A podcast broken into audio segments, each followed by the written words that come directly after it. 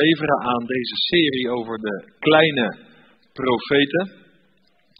En klein slaat dan vooral op het feit dat we kleinere Bijbelboeken hebben die deze profeten hebben geschreven. En daarom klein. Maar misschien, en dat weet ik eigenlijk wel zeker, zijn ze groot in geestelijke kracht geweest. Maar klein in de zin van de hoeveelheid die ze hebben geschreven. En wat ik vanavond wil doen is een overview geven over het boek Habakkuk. En ik heb daarin natuurlijk een keuze moeten maken. En misschien zijn er wel onder ons die uh, dit hebben voorbereid en die zelfs zijn gaan lezen van tevoren. En heb je verschillende gedeelten uh, doorgenomen. Nou, ik heb een keuze gemaakt uit de versen die ik wil lezen, om vervolgens naar aanleiding van die versen een overview te gaan geven. Het vers waar ik mee wil beginnen vanavond komt niet zozeer uit het boek Habakkuk, maar die komt uit het boek Handelingen. Het is een hele belangrijke tekst waarmee ik af wil trappen, om het zo te zeggen. Want waarom nou een serie over de kleine profeten, of de profeten in het algemeen? En het boek Handelingen laat ons heel duidelijk zien waarom we die profeten moeten bestuderen en waarom dat echt de moeite waard is. Nou, ik zou heel veel redenen kunnen noemen, maar zeker in de, in het, in de context van het boek Habakkuk kwam ik een vers tegen in de voorbereiding uit Handelingen 3, vers 21. En daar staat het volgende. Hem, Jezus Christus, moet de hemel ontvangen tot de tijden waarin alle dingen worden hersteld, waarover God gesproken heeft bij monden van al zijn heilige profeten door de eeuwen heen. En dat vind ik zo bijzonder. Als u die geschiedenis een beetje kent, het gaat daar over de hemelvaart, over de uitstorting van de Heilige Geest. En dan in Handelingen 3 gaat het, spreekt Petrus heel overtuigd over de profeten die reeds voorzegd hebben, niet voorspeld hebben, want voorspellen komt uit de occulte wereld, maar voorzegd hebben de dingen die moeten plaats gaan vinden. En wat mij altijd opvalt, is als mensen iets willen weten over de eindtijd, dan pakken ze eigenlijk als vanzelf het boek Openbaring erbij. Nou, dat mag u natuurlijk altijd doen en dat is goed. Maar het wonderlijke is dat Petrus in Handelingen 3 zegt niet ga het boek Openbaring maar lezen, voor zover dat er al was.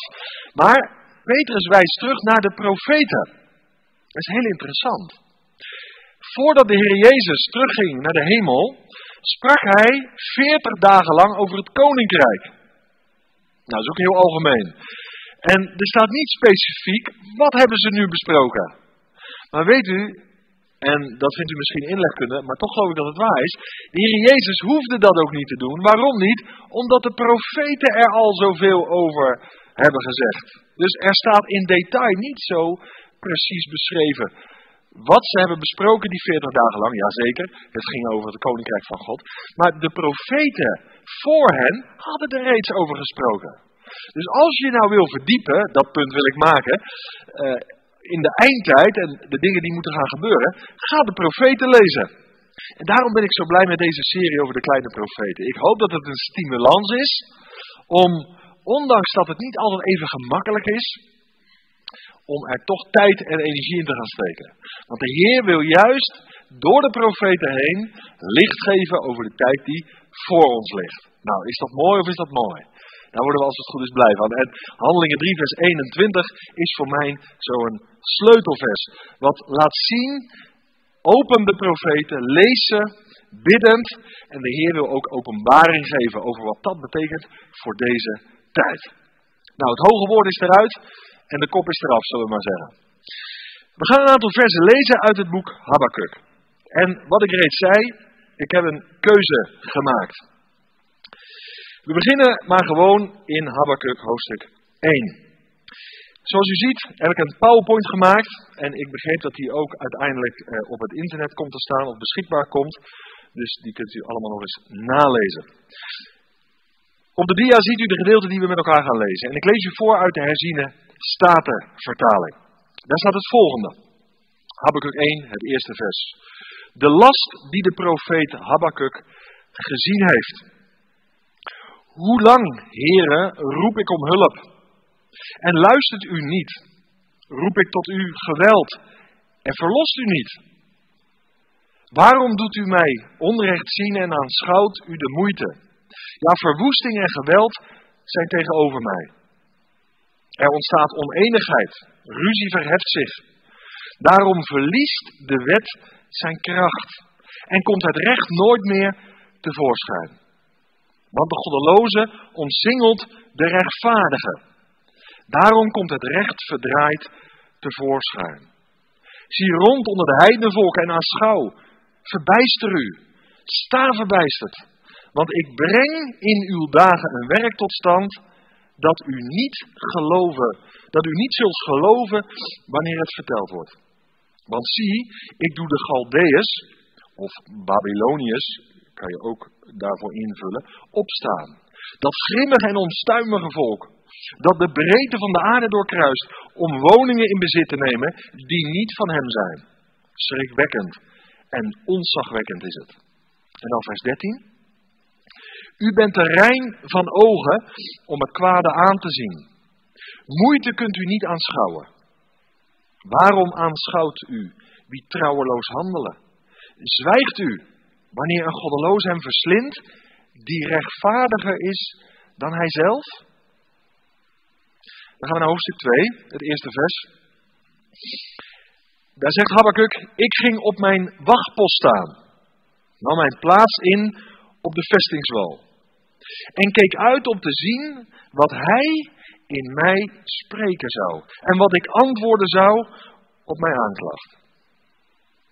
Toen antwoordde de Heer mij en zei: Schrijf het visioen op, schrijf het duidelijk in tafelen, zodat het in het snel voorbijlopen te lezen is. Voorzeker, het visioen wacht nog op een vastgestelde tijd. Aan het einde zal hij het werkelijkheid maken. Hij liegt niet. Als hij uitblijft, verwacht hem. Als, wanneer hij komt, want, want hij komt zeker, hij zal niet wegblijven. Zie, zijn ziel is hoogmoedig, niet oprecht in hem. Maar de rechtvaardige zal door zijn geloof leven. Vers 13. Zie, is het niet van de heren van de legermachten dat volken zich inspannen voor het vuur en natieën zich voor niets afmatten? Want de aarde zal vol worden met de kennis van de heerlijkheid van de Heer. Zoals het water de bodem van de zee bedekt. Hoofdstuk 3, het eerste vers. Heren, toen ik uw tijding hoorde, heb ik gevreesd Heere, uw werk behoudt het in het leven, in het midden van de jaren. Maak het bekend in het midden van de jaren. Denk in uw toren aan ontferming. Vers 17. Die bekende versen, misschien wel de bekendste vers uit het boek Habakkuk van hoofdstuk 3. Al zal de vijgenboom niet in bloei staan en er geen vrucht aan de wijnstok zijn, al zal de opbrengst van de olijfboom tegenvallen en zullen de velden geen voedsel voortbrengen, al zal het kleinvee uit de kooi verdwenen zijn en er geen rund in de stallen over zijn, ik zal dan toch in de Heere van vreugde opspringen. Mij verheugen in de God van mijn heil. De Heere, Heere is mijn kracht. Hij maakt mijn voeten als die van de hinde. En doet mij treden op de hoogte. Voor de koorleider bij mijn snarenspel. Tot zover deze gedeelte. Nogmaals, ik heb een keuze moeten maken uit de versen die ik vanavond wilde lezen. En ik heb het hierbij gelaten om van hieruit een overview te gaan geven over dit prachtige kleine Bijbelboekje. Het boek Habakkuk. Nou, Habakkuk was een profeet. En ik zal daar later op de avond nog wat meer over zeggen. Maar een andere benaming voor profeet is ook wel in het Oude Testament ziener. En een ziener kreeg vergezichten. Die mocht verder zien, om het zo te zeggen. Een profeet werd dus ziener genoemd, maar een profeet werd ook wel godsman genoemd. Een man van God. En hoe werd de profeet ook al omschreven? In de volksmond zouden wij zeggen. Een profeet was de mond van God. Hij functioneerde op die manier. Nou, dit moet je even vasthouden. Dus Habakkuk, een profeet, een ziener, een godsman. En hij functioneert in zijn tijd, maar hij sprak profetisch, dus hij zegt ook dingen die betrekking hebben over de tijd waarin wij leven. Hij was dus een kanaal van God. Hij was als het ware de mond van de Heere God.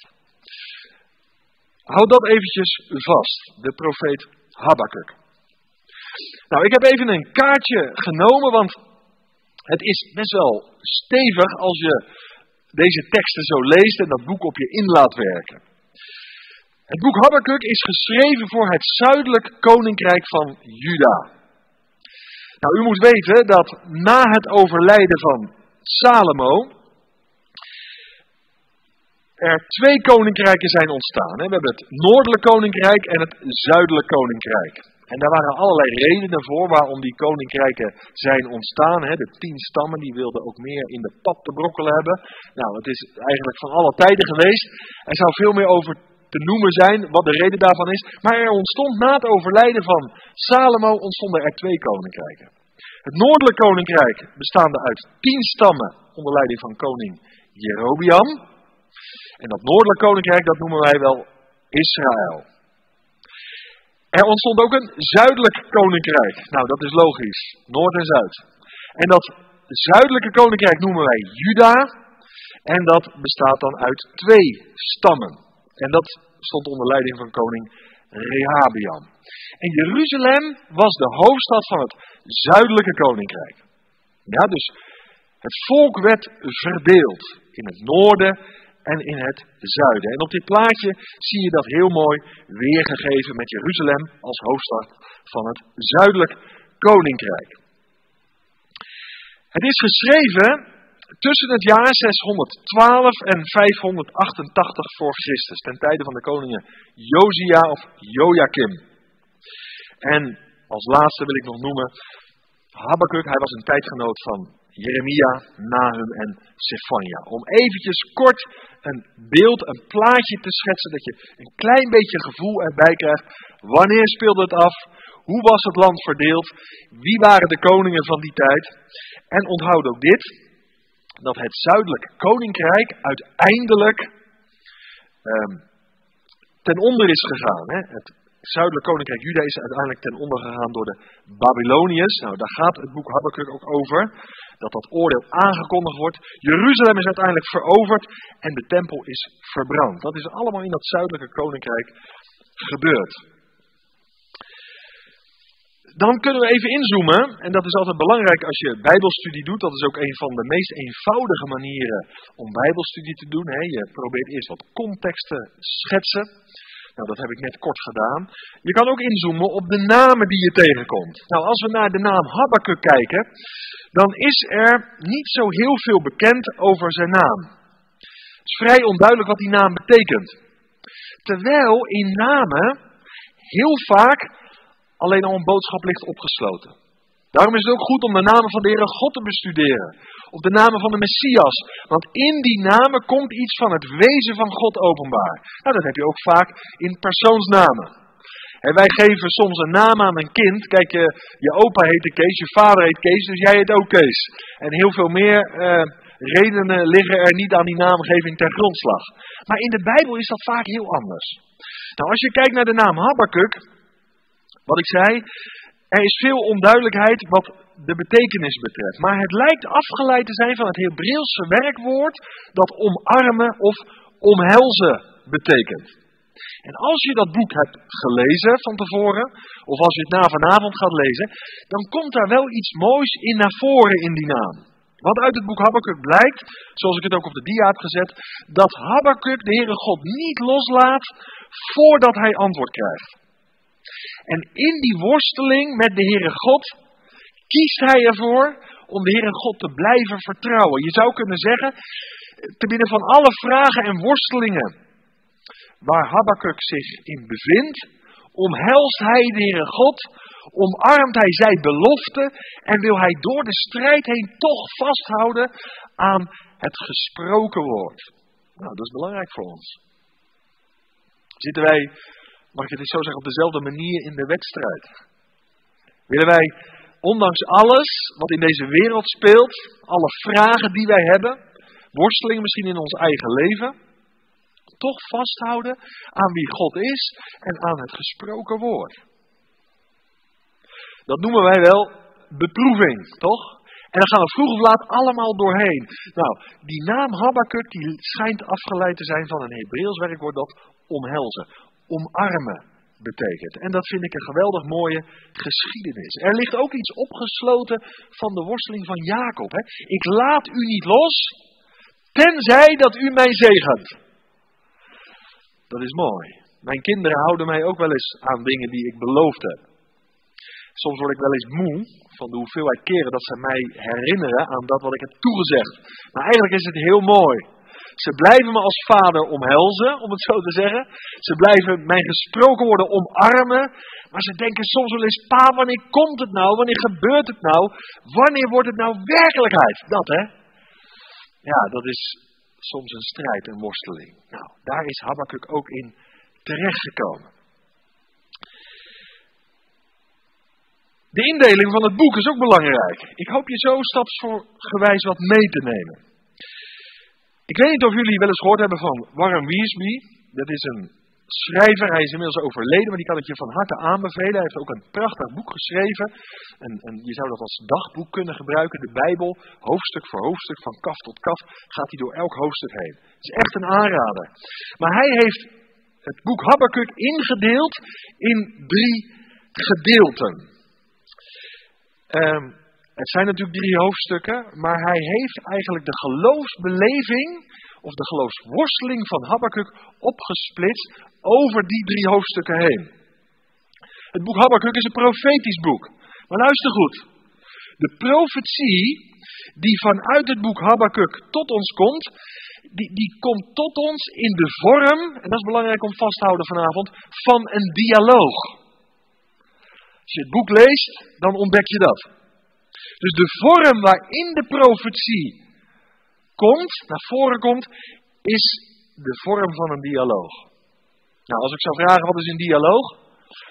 Nou, daar kan je heel veel definities aan verbinden, maar een dialoog, laat ik het eenvoudig houden, is een gesprek tussen verschillende personen waarin een vrije gedachtenwisseling plaatsvindt. Een gesprek tussen personen waarin een vrije gedachtenwisseling plaatsvindt. En die dialoog waar we vanavond naar kijken, is de dialoog tussen de Heer God aan de ene kant en Habakkuk aan de andere kant. En dat is mooi om dat te volgen. De dialoog tussen God en Habakkuk. Want hiermee, en dat spreekt me aan, omdat elke boodschap ook, naar mijn overtuiging, een boodschap op het hart gericht moet zijn. Hiermee ontdekken we iets van de geloofsbeleving van Habakkuk. Dat is toch mooi als iemand in het hart mag kijken? Ik ken jullie niet, althans de meesten niet persoonlijk.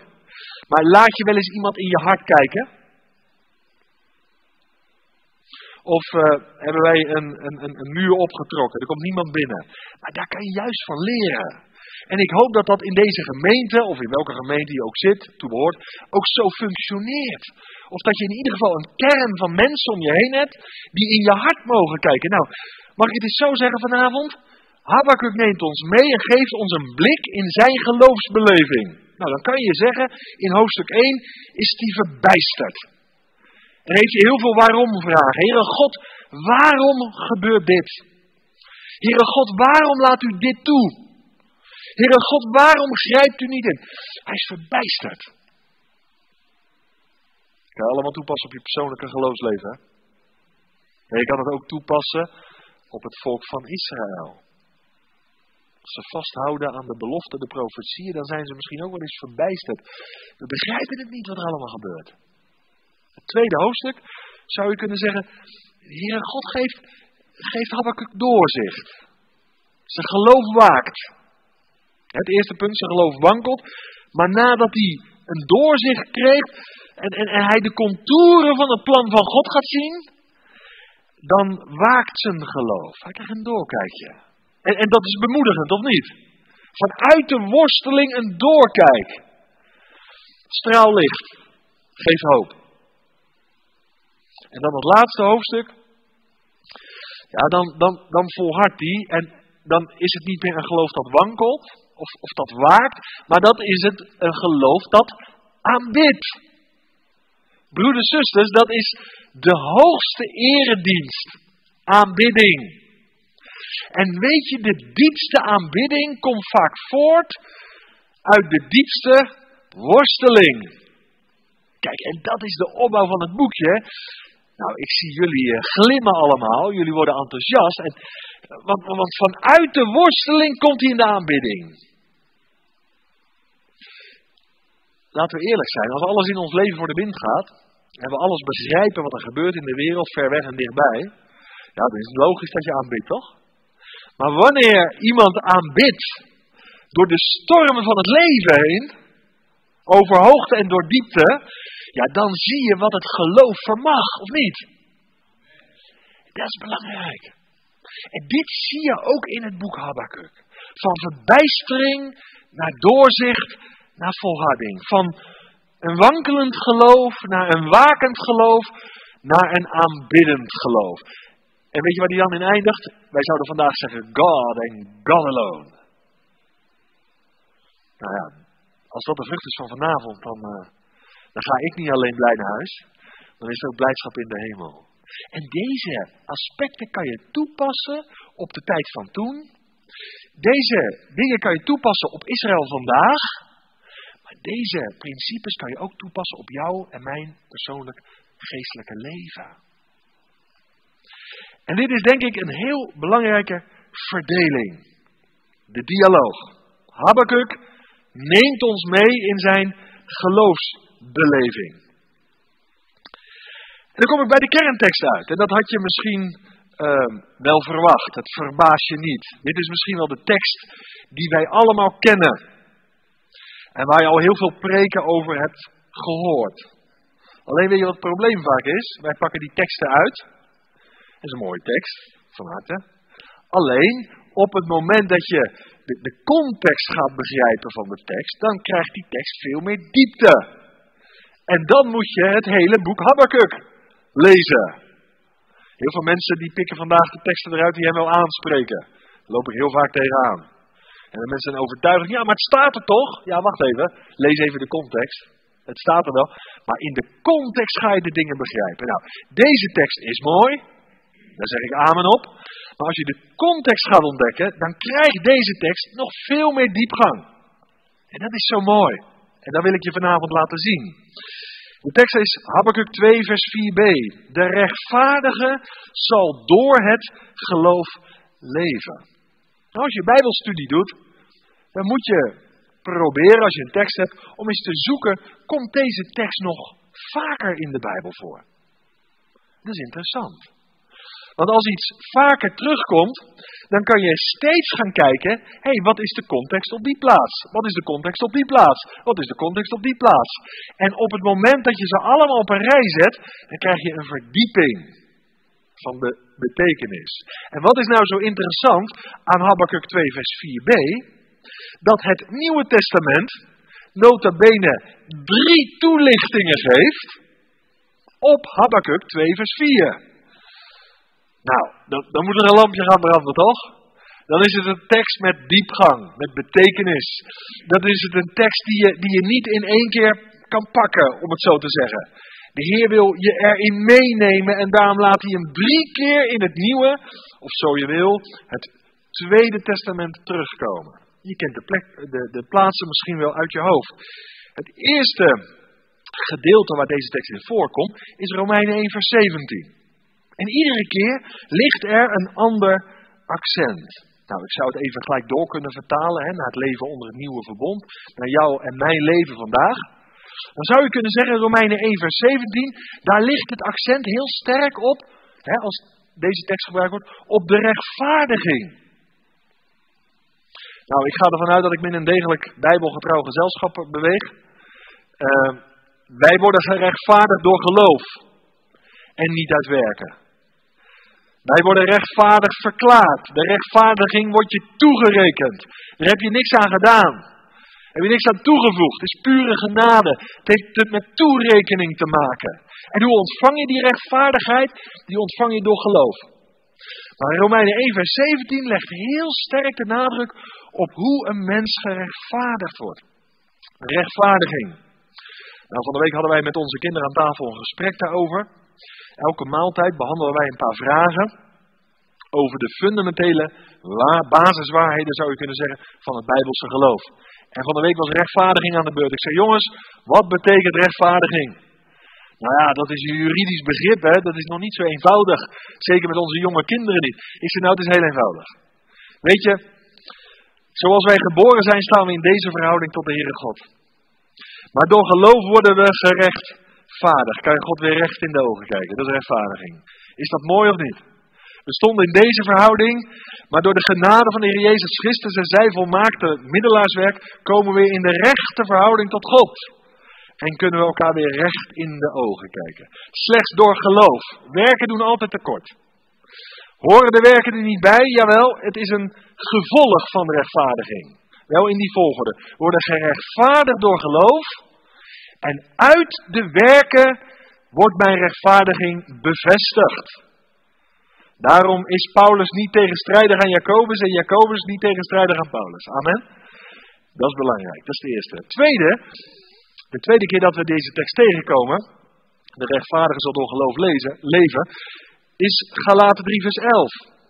En welk accent wordt daar gelegd? Nou, daar gaat het veel meer over een rechtvaardig leven. Als je dan vrede met God hebt gekregen, als je dan gerechtvaardigd bent, wandel dan ook als een rechtvaardige. Kom ik straks nog op. De rechtvaardige zal door geloof leven. Er hoort dus een nieuwe levenswandel bij het gerechtvaardigd zijn. Nou, dat is ook een belangrijke vandaag in de eindtijd, of niet? Niet alleen praten, ik geloof in Jezus, maar ook wandelen zoals Hij gewandeld heeft. Dat vraagt zelfverloochening. En dat is de accent in Galaten 3 vers 11. Of met de woorden van Paulus uit de Efezebrief, jullie zijn kinderen van het licht, wandel dan als een kind van het licht. En het laatste, dat komen we tegen de laatste keer dat deze tekst wordt aangehaald, is Hebreeën 10, vers 38, waar het accent heel sterk ligt op het geloof. Niet zozeer de rechtvaardiging of het rechtvaardige leven, maar wij wandelen door het principe van geloof. Dat is een wonderlijk iets, toch? Dat heeft ook alles te maken met trouw, met vertrouwen. Leven uit dat wat God heeft gesproken. Door geloof wandelen we. Door geloof hebben we vrijmoedigheid om tot God te gaan. Te naderen. En let op, is heel belangrijk. Dit principe, dit mechanisme, het mechanisme, het principe van geloof, waardoor wij leven onder het nieuwe verbond, is exact hetzelfde principe als waardoor men leefde onder het oude verbond. Zou je dat nooit vergeten? De Heere God heeft op verschillende momenten gesproken, op verschillende wijzen, op vele wijzen. Alleen het principe waardoor wij leven blijft hetzelfde. Dat is het principe van geloof. Het mechanisme van vertrouwen. En dat is misschien het allermoeilijkste. Dat is geloven, dat is leven, dat is vertrouwen, het geopenbaarde woord van God. Dat is principe. Wat was het onder het oude verbond? Dat is het onder het nieuwe verbond. Abraham, hij geloofde God nog voordat de wet aan Israël was gegeven. En het is hem toch gerechtigheid gerekend. Wij leven vandaag ook door geloof. Wij gaan straks pas, ons geloof gaat straks pas over in aanschouwen. En dit moest ook Habakkuk leren. Leven door het mechanisme van geloof. Dat is het principe voor deze tijd. Vind het makkelijk, geloven? Ook als het oog niet ziet. Dit is het probleem van Habakkuk. Hij begrijpt het niet. Nou, daar gaan we zo naartoe. Maar houd dit vast. Ik hoop dat je een beetje enthousiast wordt over de kleine profeten. Maar we zijn er nog niet, we gaan eerlijk verder. Want, nou ga ik even inzoomen op die rechtvaardige. En dat is heel interessant, ook vanuit de Joodse traditie, maar ook vanuit de Hebreeuwse taal. Want als het gaat in Habakkuk 2, dat vierde vers, de rechtvaardige zal door het geloof leven, dan wordt daar gesproken over de tzaddik. Misschien heb je er wel eens van gehoord. In het Hebreeuws staat voor rechtvaardig het woord tzaddik. En dat is een belangrijk begrip, want die tzaddik die komen we onder andere tegen in Psalm 1. Dat is iets moois, hè? We lezen hem even, Psalm 1, vers 1 en 2. Welzalig de man, buitengewoon gelukkig,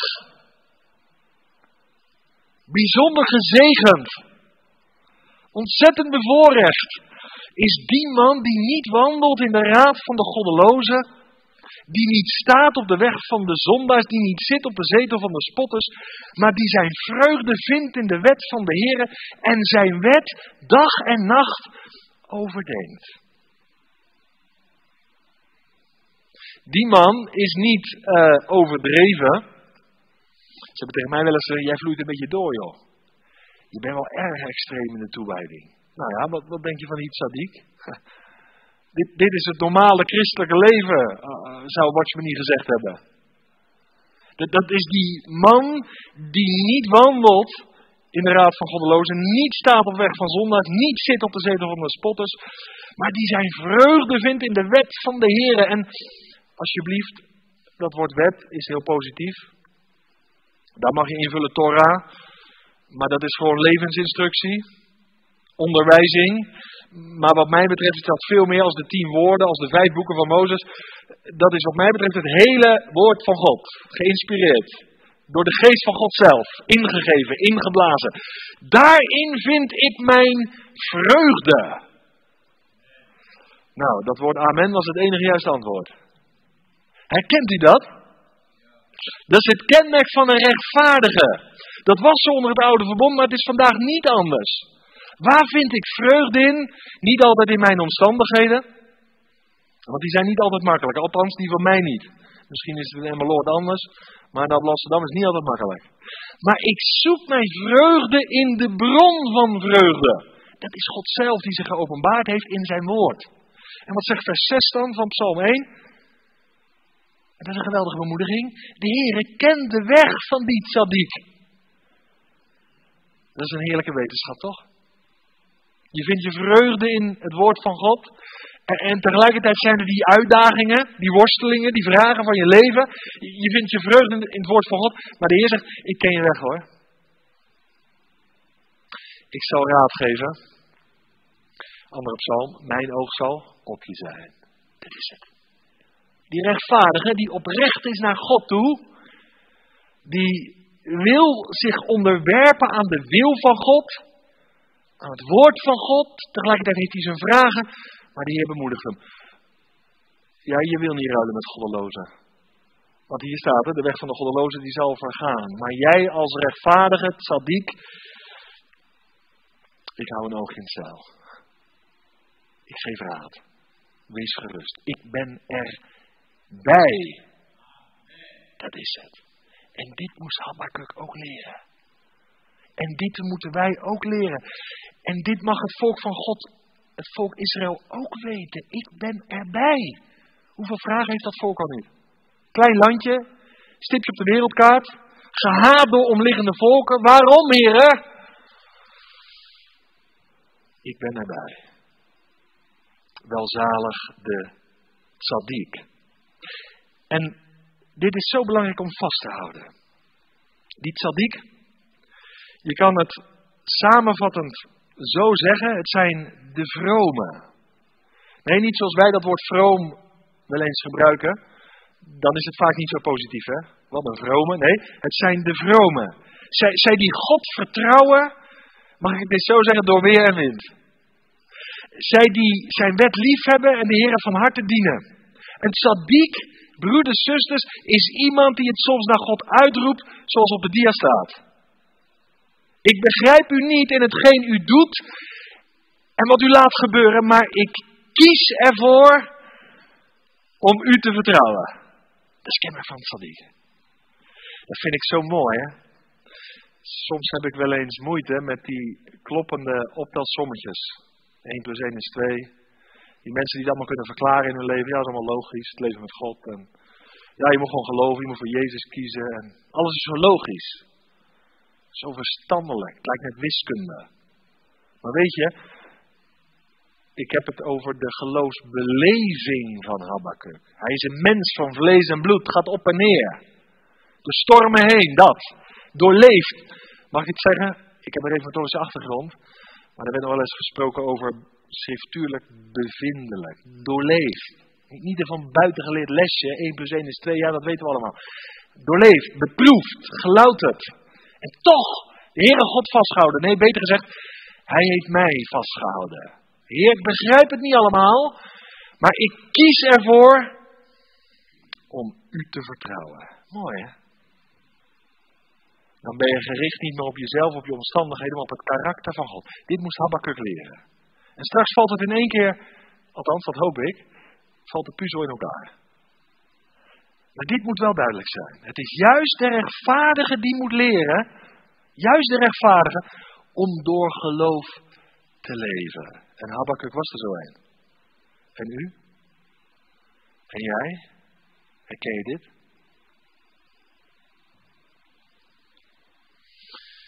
We gaan een stap verder. Want er wordt ook gesproken. U merkt wel, hè, ik ga niet vers voor vers door het boek Habakkuk heen, want u schrikt nu natuurlijk. We zijn al poosje onderweg en nu komt hij bij vers 1. Uh, eh, maar ik behandel het dan hier, dan daar. Maar er zit wel in, hoop ik. Nu wordt er gesproken over de last van Habakkuk. En weet je, en dat herkent u misschien ook wel.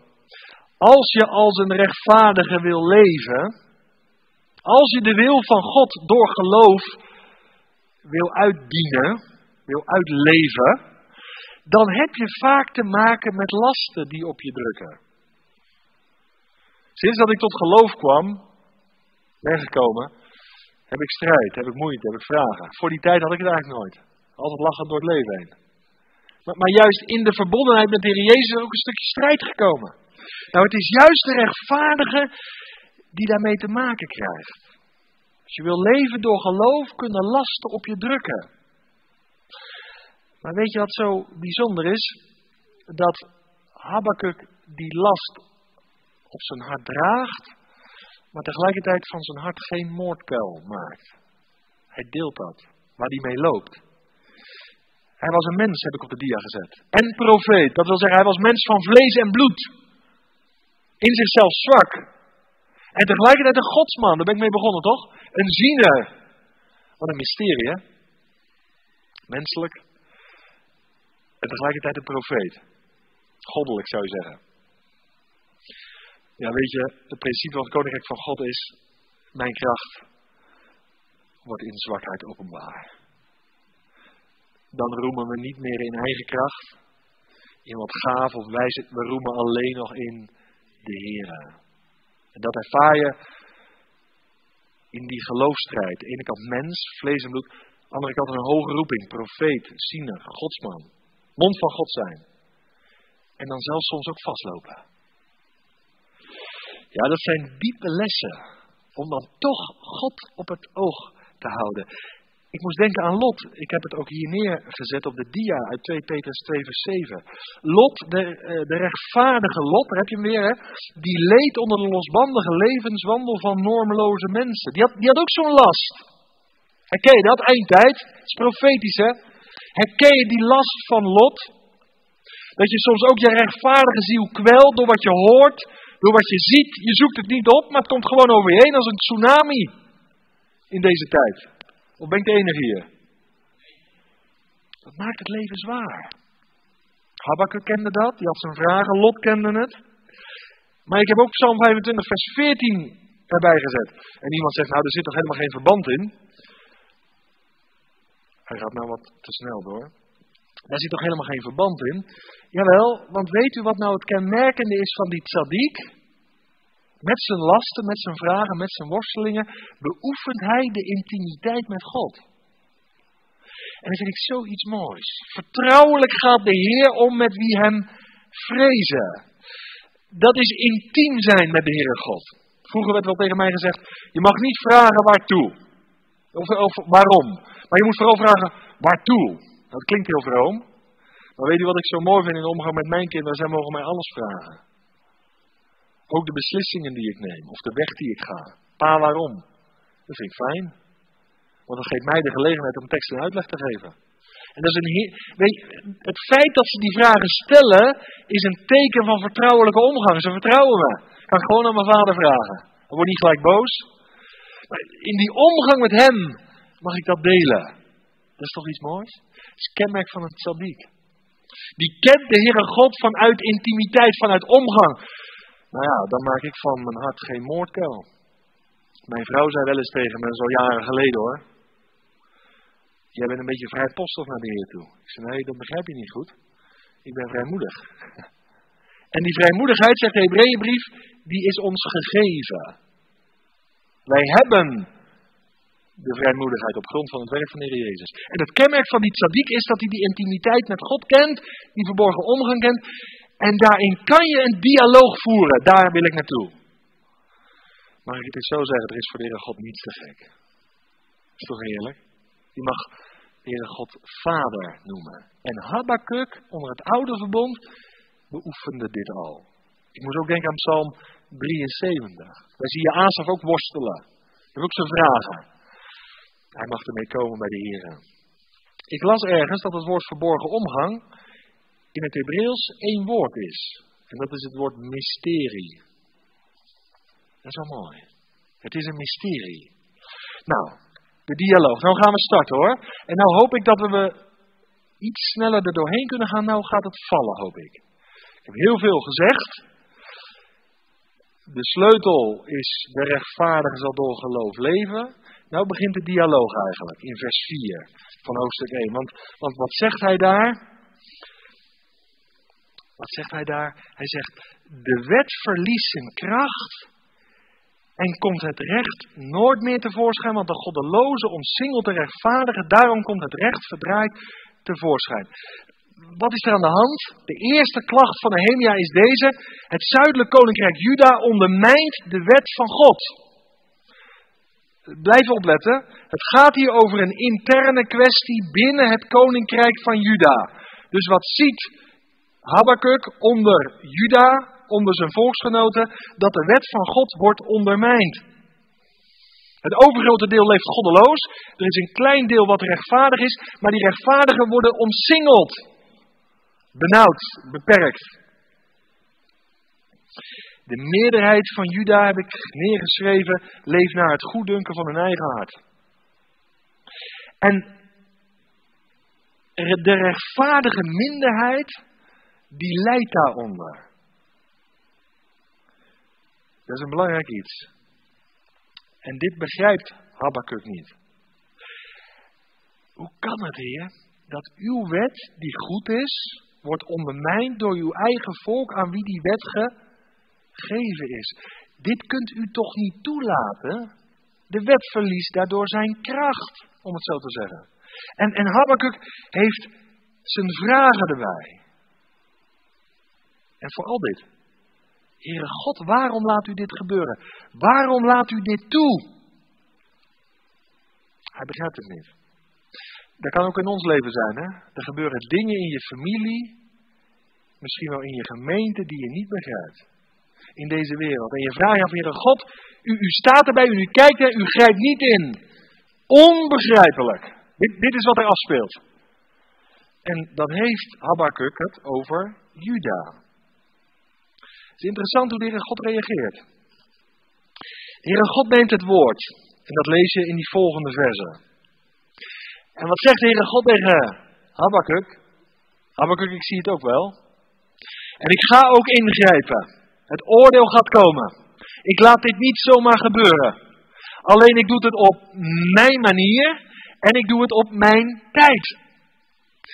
En het gaat gebeuren door een heidensvolk. Ik ga de Babyloniërs daarvoor gebruiken. Ik ga de Galdeeën daarvoor gebruiken. En, en uiteindelijk zal Juda in ballingschap gevoerd gaan worden. Dus Habakkuk deelt zijn worsteling, zijn vraag. En de Heere God gaat antwoorden in die volgende verse. En weet je wat heel interessant is? En dat vind ik zelf heel erg mooi. Wat ik ontdekte is dat dat woord wat daar staat in vers 5b, want ik breng in uw dagen een werk tot stand dat u niet zult geloven wanneer het verteld wordt. Dat houdt in, het, oordeel gaat komen. Dat werk houdt verband met het oordeel wat God gaat vellen over de ondermijning van Gods wet door het koninkrijk Juda. Dat roept het oordeel over zich heen. En dat wordt hier genoemd het werk dat ik tot stand zal brengen. Je zal het niet geloven wanneer het verteld wordt. Het oordeel gaat absoluut komen, Habakkuk. Maar het is interessant, dit is weer zo'n tekst die op een andere plaats tegenkomt. Nou, ik heb het op de dia gezet, Handelingen 13 vers 41. Daar wordt ook gesproken over het werk. Want ik verricht een werk in uw dagen, een werk dat u niet zult geloven als iemand het u vertelt. Maar ja, als je dat stukje gaat bestuderen, in handelingen, dan spreekt de apostel Paulus daar tot Joodse mensen. En dan is hij eigenlijk, mag ik het eens even vertalen naar 2022, dan is Paulus daar aan het evangeliseren, om het zo te zeggen. Een groot evangelisatiewerk aan doen. En hij zegt in Handelingen 13, pas op, pas op, dat werk wat hier plaatsvindt is het grote evangelisatieproject. Pas op dat je dit niet aan je voorbij laat gaan. En in Handelingen 13, vers 40 spreekt hij ook over de profeten zoals de profeten gezegd hebben. Nou, waar het over gaat is, in Habakkuk 1 heeft het te maken met het oordeel dat komt. Het werk wat ik zo ga doen. In Handelingen 13 heeft het te maken met de helsboodschap. Mag ik het zo vertalen? In het ene Bijbelgedeelte gaat het over de oordeelsboodschap, het werk. En in het andere Bijbelgedeelte gaat het over de helsboodschap. Je zal zeggen, dat is ook tegenstrijdig aan elkaar. En er worden dezelfde versen voor gebruikt. Is niet tegenstrijdig. Waarom niet? Nou komt de sleutel. Het zijn twee kanten van dezelfde medaille. Als God, God zijn heilsboodschap laat klinken, dan zegt hij direct daarbij, maar pas op, laat het niet aan je voorbij gaan, want dan is het oordeel ideel. En als God zijn oordeelsboodschap brengt, dan laat hij dat altijd voorafgaan aan de heilsboodschap.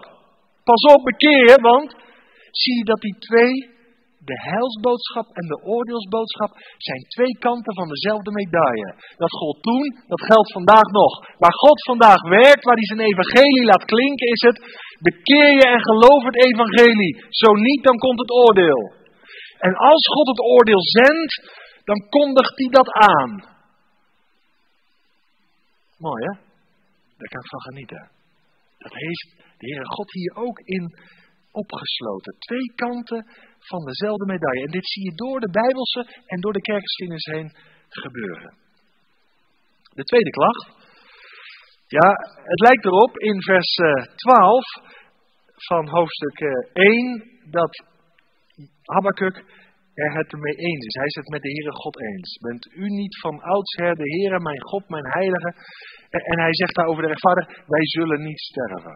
Wij zullen niet, de oorlog gaat komen, maar wij zullen niet sterven. Maar dan toch komt er weer een vraag in hem op.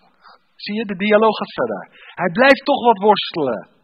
En wat is zijn worsteling? Nou, die lezen we in vers 13b eigenlijk. Want wat staat daar? Waarom aanschouwt u wie trouweloos handelen? Zwijgt u wanneer een goddeloze hem verslindt, die rechtvaardiger is dan hijzelf? Even in de taal van vandaag. De Heere God heeft tegen Habakkuk gezegd: Juda kan niet zomaar zondigen, dan komt het oordeel aan. Maar nou worstelt Habakkuk met het volgende. Waarom moet dat oordeel gebracht worden door een heidens volk? Dat slechter is, luister goed hoor, dan het slechte deel van Juda. Begrijp je het? Juda is slecht, zondig, ondermijnt Gods wet. Maar de Galdeeën en de Babyloniërs, ja, ja, die zakken veel dieper door. En hoe kan het nou dat, dat, dat u uw volk oordeelt middels een heidensvolk, middels de Babyloniërs, middels de Galdeeën. Dit is een raadsel voor Habakkuk. En hij noemt dat de goddeloze, de Babyloniër, verslindt degene, Juda, die rechtvaardiger is dan hijzelf. Dit is een vreemde manier van handelen, God. Hij begrijpt het weer niet. Want een worsteling heeft hij maar gehad. De reactie van de Heere God. En dit moet je echt even goed op je in laten werken. Want dit vind ik een pareltje. Habakkuk, wacht even, dat lees je in het begin van vers 2, uh, eh, hoofdstuk 2. Ik ging op mijn wachtpost staan. Nam mijn plaats in op de vestingshal. Keek uit om te zien wat hij in mij spreken zou. Wat gaat er voor reactie op komen? Op, op, op die tweede klacht, hè? Je blijft me wel volgen. Nou, de Heere God reageert in vers 3b. En nu is het heel interessant. Want hij krijgt een visioen, hij krijgt een profetie van de Heere God. De Heere God zegt dit, Habakkuk, die Babyloniërs, je begrijpt niet dat ik je eigen volk middels de Babyloniërs ga oordelen, maar onthoud dit, die Babyloniërs ze gaan niet vrij uit. Want Babel zal uiteindelijk ten onder gaan. Habakkuk 2, vers 5 tot en met 20. Vijf keer een week, kom ik zo op. Hij zegt, ik ga ook met die Babyloniërs klaarkomen. Dat heeft nog wel even geduurd, want tussen de verovering van Jeruzalem door de Babyloniërs en de ondergang van Babel liggen tientallen jaren. Het duurt nog even, maar het gaat wel gebeuren. Daarmee bemoedigt de Heere God Habakkuk. Moet goed opletten. Want nu is dit weer een tekst die ook in het Nieuwe Testament voorkomt. Ja, je moet de PowerPoint echt even nalezen nog. Hè? ga je allemaal bestuderen, echte Bereërs in jullie. Maar weer een tekst die ook in het Nieuwe Testament voorkomt. Want wat staat er in Habakkuk? Als het uitblijft. De HSV heeft vertaald als hij uitblijft. Maar de MBG, de Nieuwe Bijbelvertaling, maar ook de King James vertaling, vertalen met als het uitblijft, verwacht het, want het komt zeker, het zal niet wegblijven. Waar gaat het daarover in Habakkuk? Over het oordeel. Maar in Hebreeën 10 vers 37, ik heb weer even de Bijbelvertalingen erbij gezet, wordt niet gesproken over het, maar over hij. Nou, dat had wel iets luidruchtiger mogen. Want wie zien we hier opkomen? De Messias. In Habakkuk gaat het over het oordeel. En daar zegt de Heere God, als het uitblijft, verwacht het, want dat oordeel gaat absoluut komen. Het kan even duren, tientallen jaren tussen de verovering van Jeruzalem en de ondergang van Babel. Maar het kwam wel, of niet? Babel is gevallen. Maar dat geldt ook voor de Messias. En ja, dan word ik nog enthousiaster dan wat ik al was. Want nog een heel korte tijd en niet het die komt, maar hij die komt. En weet je wat er in het Grieks staat? Daar staat de komende. Hij is komende. Hij zal komen en niet uitblijven. Hey, als je deze twee teksten elkaar, naast elkaar legt, dan zie je dat Habakkuk al iets zegt over de toekomst. De komst van Christus zal voorafgegaan worden door oordeel. Maar hij gaat komen en hij zal niet uitblijven. En dit is zo'n geweldige bemoediging. Want uiteindelijk zullen alle grote rijken toen Babel, maar vandaag, uiteindelijk zullen alle grote rijken onder het oordeel komen als de Messias komt. En er zal verlossing komen voor Israël, als de vredevorst zijn vrederijk gaat oprichten. Gaat vestigen hier op aarde. Nou, dit zijn toch pareltjes of niet? Toch mooi? Is het in het ene Bijbelboek het oordeel? Is het andere Bijbelboek? Is het een persoon? Ik moet de tijd in de gaten houden. Vervolgens lezen we, daar ga ik niet heel uitgebreid op in, dat het oordeel ook uitgevoerd gaat worden. Nou, wat lees je in Habakkuk 2, vers 6 tot en met 19? Daar lees je vijf keer een wee. Dan wordt dat aangekondigde oordeel, ga ik niet in detail uitwerken, maar dat wordt helemaal benoemd. Het eerste wee, de Heere God zal onrecht gaan oordelen. Tweede, hij zal winstbejag gaan oordelen. Hij zal een oordeel geven over onmenselijkheid. Over losbandigheid. Er komt een oordeel, het vijfde wee, over afgoderij. Broeders en zusters, vertaal je het even door naar vandaag. Dit is zo actueel. Onrecht, is het er of niet? Gaat een einde aankomen hoor. Maar de Verenigde Naties gaan het niet bewerken. Dan gaat er maar één het bewerken. Yeshua HaMessiah. Hij gaat ook winstbejag oordelen, op wat voor manier dan ook. Onmenselijkheid, losbandigheid. Hallo, 2022. Losbandigheid overal om ons heen. Wat komt er vandaag allemaal niet openbaar in de media? Het heeft ook met de tijd te maken waarin we leven. Afgoderij. God zal het gaan oordelen. Maar voordat het zover is, is daar weer die nodiging, die helsboodschap die uitgaat voor, de oordeel, voor het oordeel komt. Nou, Habakkuk bevindt zich daar te middenin. En hou even vast, hè, de rechtvaardige zal door het geloof leven. Zie je de vragen in het hart van Habakkuk? Hoe gaat het verder? Ik begrijp het niet. Heer, wat bent u aan het doen? Maar vandaag is het niet anders.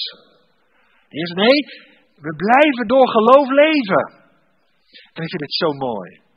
Nee, die oordelen zijn niet zo mooi. Maar hoe het plan van God volvoerd wordt. God zal afrekenen met alle ongerechtigheid. Ook wat het volk van God betreft. Ook wat de heidenvolken hen hebben aangedaan. Maar broeders en zusters, laten we ook eerlijk zijn. Er zijn ook in ons leven onrechtvaardige situaties. Dingen waar je mee worstelt. Er komt een dag dat God daarmee gaat afrekenen. Dat is toch een heerlijke boodschap? Dat is een geweldige bemoediging. Vijf keer een wee. En wat blijft te midden van al deze boodschappen? De boodschap. Te midden van al deze ontwikkelingen, vragen, worstelingen. Te midden van vragen blijft het geheim. De rechtvaardige zal door het geloof leven. Ik herhaal hem maar een beetje. Ik gooi hem weer even door. Ja, dat is het mechanisme waardoor we leven. Dat moest Habakkuk leren. Dat moet Israël leren. Dat gelovige overblijfsel moet dat leren ook vandaag. En dat moeten wij leren. Ervoor kiezen om op de Heere God te vertrouwen. En zo zal de rechtvaardige toen en vandaag, Jood of Heiden, staande blijven. Er zijn twee bemoedigingen, twee beloften waar Habakkuk zijn hoop op vestigt. Habakkuk 2 vers 14. Daar krijgt hij zicht op dat wat zal gaan gebeuren in de toekomst. De aarde zal vol zijn van de kennis, met de kennis van de heerlijkheid van de Heer, zoals de water, het water de bodem van de zee bedekt. Er komt een tijd, broeders en zusters, dat is toekomstmuziek, een tijd dat alle, dat alle en iedere mond, die zal gesnoerd worden. Maar de Heere God, die gaat uiteindelijk zijn heerlijkheid tonen. Toekomstmuziek heb ik gezegd. Allen zullen kennis maken met de heerlijkheid van God. Het vrederijk komt eraan. In die verwachting leven we toch? God gaat zijn koninkrijk vestigen. En ik heb de tekst uit Isaiah 11 er nog even bijgezet. De Messias en zijn vrederijk. Want de aarde zal vol worden van de kennis van de Heer. Ik moet er sneller doorheen. Maar u ziet wel weer een tekst die terugkomt. Lees zo'n tekst. Wat is het verband? Het gaat daar over de Messias en zijn koninkrijk. Te midden van alle tumult en worstelingen gaat dat rijk zichtbaar worden. God werkt aan op het herstel van alle dingen. Door de worstelingen heen. Habakkuk sprak erover, hij kreeg er licht over, maar ook Jezaja. En wat dacht u van het volgende waar Habakkuk zich aan vasthoudt? Niet alleen dat de heerlijkheid van de Here deze aarde zal vervullen, maar hij heeft nog een heerlijke belofte. De Here is in zijn heilige tempel, te midden van al die stormen. Wees stil, Habakkuk, voor zijn aangezicht. Ja, wees stil, heel de aarde. Dat zijn de twee beloften waar hij zich aan vasthoudt. De belofte van zojuist, Habakkuk 2 vers 14, en ook de belofte Habakkuk 2 vers 20. En daar heb ik weer een tekst naast gezet. Wij zien nu nog niet dat hem alle dingen onderworpen zijn, maar wij zien Jezus met eer en heerlijkheid gekroond. De Heere God is in zijn heilige tempel. Ik durf te zeggen, dat is de plaats in de hemel, op de troon. Hij is in controle, hij is in beheer. En dat moest Habakkuk beseffen. En dat moeten wij vandaag beseffen en dat mag ons vandaag bemoedigen. Wij leven nog steeds in die verwachting van de wederkomst van de Jezus Christus. En de vestiging van zijn rijk. En hoe de stormen dan ook woeden, de rechtvaardige zal door het principe, het mechanisme van geloof leven. Dat wordt beproefd. Maar wat God beloofd heeft, gaat hij doen. Alle beloften van God zijn in Christus Jezus ja en. Dat geldt ook voor zijn profetieën. En hou hieraan vast. Nou, we zijn er bijna. Want nu Habakkuk door deze worstelingen heen is gegaan, hij twee keer naar God zijn klacht heeft geuit. De Heere God twee keer geantwoord heeft. Hij twee heerlijke beloften krijgt. Ja, we hebben het over de geloofsbeleving hè, van Habakkuk. Dan, dan komt hij in aanbidding. Weet je, dan wordt je hoofd opgeven. Hef je hoofd omhoog, want weet dat je verlossing nabij is. En dat gaan we hier zien. Want, nou ga ik kort naar Habakkuk 3, daar sluit ik mee af. Want hier zien we dat Habakkuk in aanbidding komt. Habakkuk 3 is een gebed, heb ik hier neergeschreven. In de vorm van een psalm. Nou, ik heb het op de dia neergeschreven. We lezen het woord Sela en aan het slot staat voor de koorleider bij het snarenspel. Het is eigenlijk één grote aanbidding. Psalm, of Habakkuk 3, vers 3 tot en met 15. Eén grote aanbidding van God en zijn daden. En wat leren we hieruit? Nou, Habakkuk verhaalt Gods grote daden in de helsgeschiedenis, in de historie van Israël. Psalm 78 is ook zo'n geweldige psalm. Dat de grote daden van de Heer verkondigd moesten worden, de werken van God, opdat de volgende generatie hun hoop op God zou stellen. En hier komt Habakkuk op dat punt uit. En dat moet u thuis maar nalezen. Vers 3 tot 15, dat zijn grote stappen waar we doorheen gaan. Maar daar verhaalt hij over wie God in het verleden is geweest. En dat geeft hem garantie voor de toekomst. Omdat God is altijd dezelfde. Er is geen schaduw van omkeer bij hem. Hij is de enige betrouwbare. Hij is de absoluut betrouwbare. En God volvoert zijn helsplan. En wie hij in het verleden was, dat geeft mij vandaag moed, omdat hij vandaag dezelfde is en tot in eeuwigheid. Mensen zijn als het weer. Vandaag sneeuwt het, morgen schijnt de zon. Maar God is altijd dezelfde. En, en daardoor komt hij in aanbidding. Niet vanwege zijn karakter, vanwege zijn intellect, vanwege zijn omstandigheden, maar vanwege wie de Heere God. Ja, ik weet het jou vergaat, maar ja, ik kom er niet mee. En, en, en dit mag ook ons bemoedigen, want hier eindigt hij mee. Er zat veel tegen. De dingen die hier genoemd worden, besef, hè, vers 17, daar gaat het over de Jood als landbouwer, hè, levend van de zegeningen van het land. Maar toen toen de Babyloniërs kwamen, toen de Galdeën kwamen, toen het orde van God kwam, ja, toen raakte dit allemaal op. En ik heb het neergezet, geen vijgen, tegenvallende oogst, geen voedsel, geen kleinvee, geen rund. Met andere woorden, geen inkomsten, geen voedsel, niets. Het oordeel is daar. Je zou bij de pakken neerzitten. Maar juist dan, door, het, door, door, door dat Habakkuk door de jaren heen geoefend is, hoofdstuk 1, hoofdstuk 2, hoofdstuk 3. Ja, er is iets ontstaan in zijn hart. Hij leeft niet meer bij het zichtbare, bij wat hij allemaal ziet en wat hij niet begrijpt. Hij leeft bij wat God gezegd heeft, want dan komt hij tot die geweldige aanbidding. Het nochtans, of ik heb hier gezet, desalniettemin, en toch. Mooi hè? En dat krijgt zo'n diepgang. Want ja, dan kan hij niet langer het meer voor zich houden. Ik zal, mij dan, toch in, ik zal dan toch in de Here van vreugde opspringen. Ik, ik, ik zal mij verheugen in de God van mijn heil. Daarvoor kan je ook vertalen in de God van mijn verlossing, van mijn uitredding. De Heer is mijn kracht. Kracht die ik nodig heb om het vol te houden in worstelingen en vragen. In het uitzien naar de verwezenlijking van Gods heilsplan, naar de vervulling van zijn belofte. Ik heb kracht van boven nodig. Maar hij maakt tegelijkertijd mijn voeten als die van een hinde. Mooi hè? Heb je een hinde zien lopen? Te midden van moeilijkheden. Blijft die hinde voortgaan. Luchtig. Swingend. Mooi, mooi beeld. Prachtig. Nehemia, ja, hij zat in een dal, in een vallei. Maar hij eindigt op de hoogte, lees maar mee, want hij doet mijn treden op hoogten. Nou, dat kan je heel letterlijk vertalen. Hoogten. Maar ook figuurlijk, geestelijk. Het is mijn goed Asaf, om dichtbij u te zijn.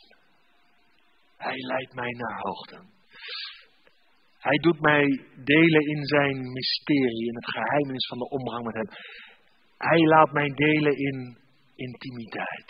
Ik zal toch in de Here van vreugde opspringen. Broeders en zusters, het gaat door zwaar weer heen, het gaat door oordelen heen. Dat God toen, in die situatie, Galdeeën, Babyloniërs. En ik geloof dat Israël ook nog een moeilijke tijd tegemoet gaat. Maar toch, er is hoop. Er is verwachting. Voor de nakomelingen staat er. Voor Israël. Dwars door het nulpunt heen vervult God zijn belofte. En, en, en we gaan langzaam maar zeker, hoop ik, meezingen.